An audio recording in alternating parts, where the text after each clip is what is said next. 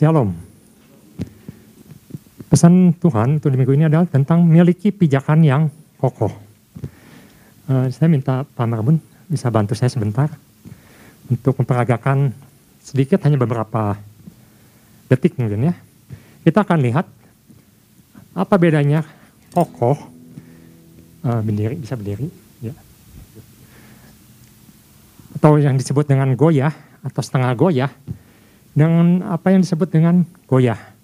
Nah, saya ingin kita sama-sama melihat ya Pak Mahmud mungkin di sini uh, berdiri tegak ya Pak Mahmud ya, enggak sana aja. Nah, kita lihat waktu sikap kita kokoh, kaki kita menancap dengan kuat di tanah, maka ketika ada guncangan atau godaan atau ada terpaan, maka kita akan kuat berdiri. Tetapi coba saya minta Pak Mabun untuk angkat satu kaki Nah, apa yang terjadi jika kita mengangkat satu kaki kita? Maka ini akan kita setengah goyah. Kita akan sangat mudah dijatuhkan. Nah, saya ingin kita melihat satu lagi. Sang, tolong tutup mata Pak Marbun dan angkat satu kaki. Kita akan lihat berapa lama Pak Marbun bisa bertahan dengan satu kaki yang diangkat. Wah, luar biasa. Bisa beberapa detik. Kalau saya mungkin hanya kuat dua detik, tiga detik. Ya makasih Pak Marbun. Biasanya saya kalau melakukan hal itu, saya mungkin hanya dua detik, tiga detik, jatuh sendiri.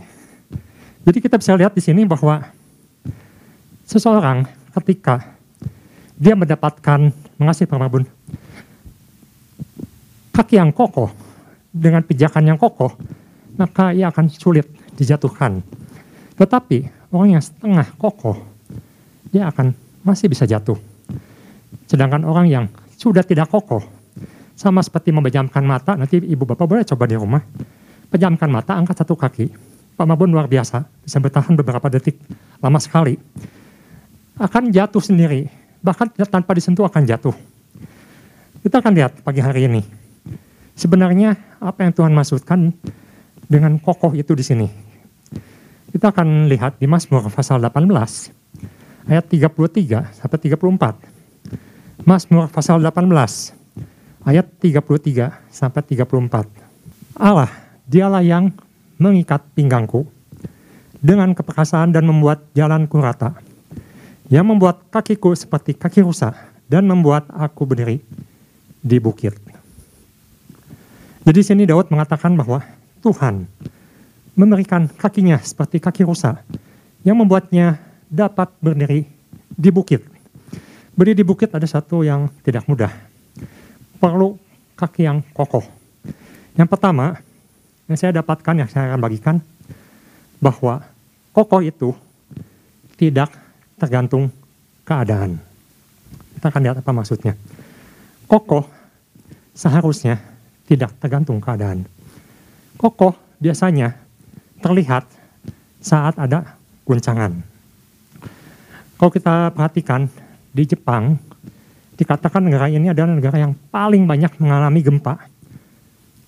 Sehingga mereka berpikir bagaimana caranya membuat bangunan itu menjadi kokoh. Kalau kita di Indonesia misalnya mengalami seperti Jepang, mungkin bangunannya sudah jauh lebih hancur dibandingkan mereka. Karena saya pernah melihat di YouTube bahwa mereka merancang suatu struktur yang demikian luar biasa, sehingga ketika gempa itu datang, bangunan itu memang bergoyang, tetapi tidak hancur, tidak jatuh. Itu yang dilakukan dan mereka menemukan satu fondasi yang disebut dengan kokoh. Tentunya Tuhan ingin kita sama, kokoh dalam menghadapi berbagai macam terjangan seperti bangunan yang tahan gempa. Dan kita bisa lihat seorang itu akan disebut kokoh ketika ada ujian. Ketika keadaan tidak seperti yang diinginkan. Dalam keadaan aman, mungkin saya atau ibu bapak bisa baca, bisa berkata saya ini kokoh. Tetapi apakah benar kita kokoh? Itu akan diuji ketika ada cobaan, ketika ada terpaan. Kita lihat di Mazmur pasal 18 ayat 18 sampai 19. Di sini Daud mengatakan, "Ia melepaskan aku dari musuhku yang gagah dan dari orang-orang yang membenci aku, karena mereka terlalu kuat bagiku. Mereka menghadang aku pada hari sialku." Tetapi Tuhan menjadi sandaran bagiku. Di ayat 19, Bahasa Indonesia mengatakan di hari sialku, tetapi terjemahan lain dikatakan pada saat aku terjepit, pada saat aku lemah, pada saat aku terhimpit. Ini mengingatkan saya perkara ketika Mazmur ini dituliskan dikatakan di sini adalah nyanyian kemenangan Daud ketika tahun ketika Tuhan melepaskan dia dari musuh-musuhnya. Dan saya mengingat salah satu peristiwa yang menurut saya ini ada suatu peristiwa yang sangat penting ketika Daud melepaskan orang Kehila dari bangsa Filistin. Di situ dikatakan bahwa Daud memutuskan untuk menolong orang Kehila. Sedangkan dia sendiri dalam keadaan yang tidak baik, sedang dikejar-kejar Saul. Tetapi apakah kita disebut kokoh hanya dalam keadaan baik saja? Kita akan lihat di kita akan lihat selintas di Habakuk pasal 3 ayat 17 sampai 19. Di sini dikatakan semacam ayat paralel yang dicatat dalam Alkitab di Habakuk pasal 3 ayat 17 sampai 19. Habakuk mengatakan, sekalipun pohon ara tidak berbunga, artinya tidak menghasilkan. Pohon anggur tidak berbuah, kering. Hasil pohon zaitun mengecewakan, tidak ada minyak. Sesuatu yang sangat penting di Israel. Sekalipun ladang-ladang tidak menghasilkan bahan makanan, tidak ada makanan. Kambing domba terhalau dari kurungan dan tidak ada lembu, sapi dalam kandang. Binatang pun tidak punya. Tapi di sini katakan, namun aku akan bersorak-sorak di dalam Tuhan. Beria-ria di dalam Allah yang menyelamatkan aku. Nah ini kuncinya ayat 19. Allah Tuhanku itu kekuatanku. Ia membuat kakiku seperti kaki rusak ia membiarkan aku berjejak di bukit-bukitku. Ya. Jadi kita bisa lihat di sini. Ketika saya merenungkan, mengapa Habakuk bisa mengatakan, aku akan tetap beria-ria dalam Tuhan, meskipun kondisi tidak bagus. Tidak ada makanan, pohon tidak berbuah, binatang pun tidak punya. Tapi Habakuk mengatakan, aku akan tetap beria-ria dalam Tuhan. Saya melihat sesuatu yang sama ketika Daud mengatakan Tuhan memberinya kaki rusa dan dia mengatakan Tuhan melepaskan dia dari semua musuh-musuhnya. Kalau kita lihat, mungkin kalau mengucapkan itu sepertinya mudah. Tapi kita lihat, Daud ketika ia memutuskan untuk menolong orang kehila, dia sedang dikejar-kejar. Dia sedang sembunyi. Dia sendiri sedang susah. Mengapa dia putuskan untuk menolong orang kehila. Nanti kita akan lihat bagian kedua. Untuk sesuatu yang satu keadaan yang tidak lancar, kita perlu mengokohkan diri seperti Daud. Kokoh seperti sudah kita lihat di ilustrasi pendahuluan.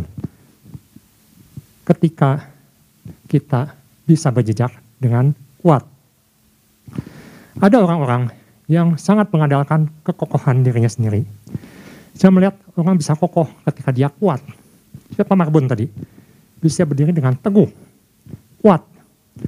Tetapi berapa lama kita bisa bertahan, kokoh dengan kekuatan sendiri. Saya melihat seperti Samson misalnya ya. Kuat, hebat, luar biasa. Dia orang yang kokoh, yang perkasa. Berapa lama dia bisa bertahan? Tidak lama, umurnya masih muda dan dia pun jatuh habis di tangan Delilah. Hati bisa ciut, hati bisa takut, badan bisa lemah, kekuatan bisa berkurang. Itu kalau kita mengandalkan diri sendiri. Tapi Daud berkata, ia mengandalkan Tuhan. Pijakannya adalah Tuhan. Tuhan yang membuat dia kuat. Sangat sayang kalau Samson waktu itu mengandalkan Tuhan saja dalam hidupnya, maka kekuatannya tidak akan hilang. Kita tahu kekuatannya hilang ketika dia meninggalkan Tuhan. Dan Tuhan pun meninggalkan dia. Jadi kita perlu berhati-hati. Kekuatan diri sangat terbatas, tapi kekuatan dalam Tuhan, seperti yang sudah kita dengar dalam beberapa hari ini, itu akan membuatkan kekuatan kita dalam kehidupan ini. Kekuatan sendiri itu seperti menginjak salju yang tebal. Ya, saya sendiri belum pernah menginjak salju, tapi saya sering lihat bagaimana ketika musim salju turun di negeri-negeri yang mengalami musim salju, dan salju itu bisa bermeter-meter tebalnya. Dan ketika diinjak, apa yang terjadi? Jeblos ke bawah. Itu seperti itu. menginjak salju yang tebal. Berbeda dengan apa yang dikatakan Daud, dia menginjak gunung batu yang teguh. Gunung batu tidak akan longsor, tidak akan jatuh ke bawah. Kita akan berdiri teguh di situ. Jadi apa yang bisa kita pelajari Daud, dari Daud ketika dia mengatakan bahwa kokoh itu sebenarnya adalah keputusan diri kita. Ketika kita mau tetap berdiri teguh dalam Tuhan, ketika ada tantangan, ketika ada masalah, seperti yang Habaku katakan, tetap semangat, tetap minta kekuatan Tuhan, maka kita akan berdiri teguh. Bukankah pesan Tuhan di ini mengatakan bahwa mengapa pesan ini datang? Karena masih banyak orang yang goyah, yang tidak kuat, tidak semangat lagi, sudah mulai kompromi, dan Tuhan sudah tidak dijadikan pijakan lagi. Ada standar-standar lain yang dimasukkan sekarang, sudah mulai beralih, sudah mulai menjauh dari kebenaran firman. Bahkan dikatakan komitmennya, komitmennya mulai hilang, kesetiaan mulai hilang. Itu yang pertama. Jadi sebenarnya kalau kita lihat dari apa yang dialami Daud dan apa yang dilihat oleh Habakuk, sebenarnya kokoh itu adalah keputusan kita bersama Tuhan. Apakah kita mau tetap kokoh atau kita akan melihat keadaan. Ketika keadaan baik, oh saya bisa kokoh. Tapi ketika keadaan tidak baik, ketika banyak terpaan, maka saya akan jatuh karena mengandalkan kekuatan sendiri. Itu adalah yang pertama. Kita akan lihat bagian yang kedua. Mazmur pasal 18 ayat 21 sampai 23. Sini Daud mengatakan, Tuhan memperlakukan aku sesuai dengan kebenaranku. Ia membalas kepadaku sesuai dengan kesucian tanganku. Ayat 22. Tetapi aku tetap mengikuti jalan Tuhan dan tidak berlaku fasik terhadap Allahku. Ayat 23. Sebab segala hukumnya kuperhatikan dan ketetapannya tidaklah kujauhkan dari padaku. Jadi sini Daud mengatakan ada sesuatu yang menarik yang ketika saya baca Mazmur ini kita sudah tahu jelas bahwa Daud di sini katakan dia memegang tangannya suci atau dia tidak melakukan dosa atau dia tidak melakukan kejahatan di mata Tuhan ketika ia menulis Mazmur ini. Dan dia tidak berlaku fasik. Dia memegang titah Tuhan atau perintah perintah Tuhan atau firman Tuhan. Jadi dia memegang firman Tuhan dengan baik dan melakukannya. Tetapi di ayat 21 ini menjadi yang saya renungkan. Dia mengatakan Tuhan memperlakukan aku sesuai dengan kebenaranku. Kita baca sekali lagi ya. Tuhan memperlakukan aku sesuai dengan kebenaranku, bukan kebenarannya. Kebenaranku. Apakah benar Tuhan memperhatikan kebenaran kita? Yang kedua, saya beri judul, kokoh itu adalah tetap berespon benar. Jadi kalau bagian pertama itu mengatakan tentang sikap yang kita harus ambil dalam menghadapi tantangan atau terpaan. Maka bagian kedua ini adalah tentang tindakan. Respon kita apa ketika kita menghadapi sesuatu? Apakah kita akan tetap kokoh dan dasarnya apa? Di sini dikatakan Tuhan memperlakukanku sesuai dengan kebenaranku. Ketika saya coba teliti kata kebenaran ini, ternyata kata kebenaran ini memakai kata sedek. Sedek. Apa itu sedek? Ternyata menarik. Sedek itu ternyata banyak berhubungan dengan suatu kelakuan, suatu tindakan. Kalau dalam terjemahan net dikatakan blameless behavior, kelakuan yang tidak tercela. Dan MLT katakan innocence, tidak bersalah. BMK menerjemahkan tidak bersalah. Jadi di sini menarik ada suatu status atau suatu keadaan di mana Tuhan melihat kita dan dia memperhitungkannya. Yaitu apa? Kebenaran kita atau sedek kita. Kita akan sedikit melihat supaya bisa terbayang di 1 Samuel pasal 23 ayat 1 sampai 4. Di ayat di Mazmur tadi dikatakan mereka menghadang aku, ayat 19, pada hari sialku. Sebenarnya kalau dalam jemahan lainnya, bukan hari sial ya, tapi waktu keadaan aku terpuruk, pada waktu aku sulit, pada waktu aku terkepung, waktu aku susah. Nah, kita akan lihat di 1 Samuel pasal 23. Mengapa Daud katakan ini hanya satu salah satu kejadian yang Daud alami. Mengapa Daud katakan mereka menyerang aku waktu aku ini lemah atau lagi sedang terkepung, sedang susah. Karena dikatakan di sini di 1 Samuel pasal 23 ayat pertama diberitahukannya kepada Daud begini. Ketahuilah orang Filistin berperang melawan kota Kehila dan menyerah tempat-tempat pengirikan. Kehila kalau kita lihat wilayah itu dekat dengan daerah Filistin.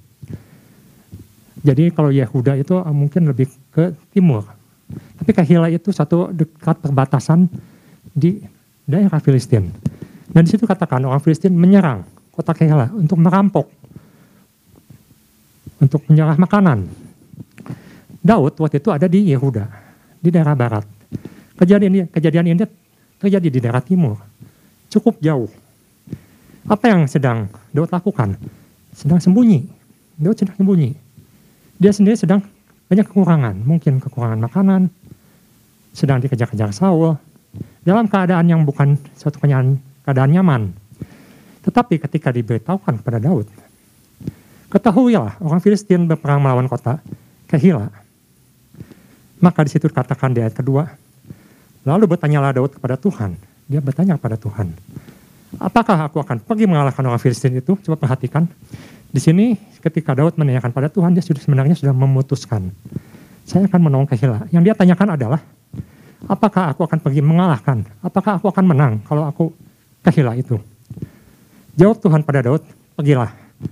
Katakanlah pada orang Filistin itu dan selamatkanlah Kehila. Ayat ketiga, tetapi orang-orang Daud berkata padanya, ingatlah, sedang di sini Yehuda kita sudah dalam ketakutan. Apalagi kalau kita pergi ke Hila, melawan barisan para orang Filistin. Ini suatu kenyataan. Mereka melihat kita sendiri sedang susah. Itu jauh. Seharusnya Saul yang menolong. Tugas raja yang menolong. Bukan kita. Tapi Daud di sini mengatakan, kita harus tolong mereka. Karena tidak ada yang menolong. Saul tidak menolong. Saul diam. Ayat yang keempat. Lalu bertanya pula Daud pada Tuhan. Maka Tuhan menjawab dia firmannya, bersiaplah, pergilah ke Hela, sebab aku akan menyerahkan orang Filistin itu ke dalam tanganmu. Dan yang disebut dengan sikap yang mau mempunyai kaki yang kokoh. Atau yang disebut dengan Tuhan memperhitungkan kebenaran kita. Sedek kita. Mengapa saya katakan Daud berbuat benar? Kita lihat di sini. Sedek menyangkut tanggung jawab. Itu tanggung jawab sebagai orang yang diurapi Tuhan. Daud adalah orang yang diurapi Tuhan. Dia dipilih untuk menjadi raja. Pada saat itu raja itu kedudukannya sama dengan hakim. Sebelum Tuhan mengizinkan orang Israel mempunyai raja, bisa dipimpin oleh hakim. Apa tugas hakim-hakim? Membela rakyatnya, membela bangsanya, menjadi pemimpinnya bangsanya. Dan Daud lakukan ini disebut dengan Daud bertindak dengan benar, merespon benar. Walaupun Daud belum jadi raja, tapi dia sudah diurapi Tuhan.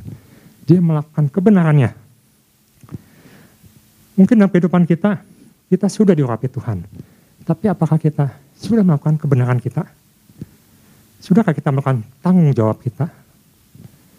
Sudahkah kita melakukan komitmen kita di hadapan Tuhan yang kita bikin di hadapan Tuhan? Ya, kita jawab masing-masing, introspeksi. Sudahkah kita lakukan hal seperti itu? Kalau belum, berarti kita tidak bisa mengatakan seperti Daud. Tuhan melihat kebenaran kita. Apakah benar? Kita sudah melakukan kebenaran kita. Mungkin dalam pekerjaan, di kantor, pada atasan, pada bos kita. Apakah kita sudah melakukan kebenaran kita? Termasuk dalam pelayanan di gereja, yang tanggung jawab kita terhadap Tuhan pribadi. Sudahkah kita melakukan kebenaran kita, fungsi kita dengan benar. Seperti Daud, ia melakukan fungsinya dengan benar. Dan sedek ini juga ternyata berhubungan dengan tanggung jawab moral. Ada tanggung jawab moral.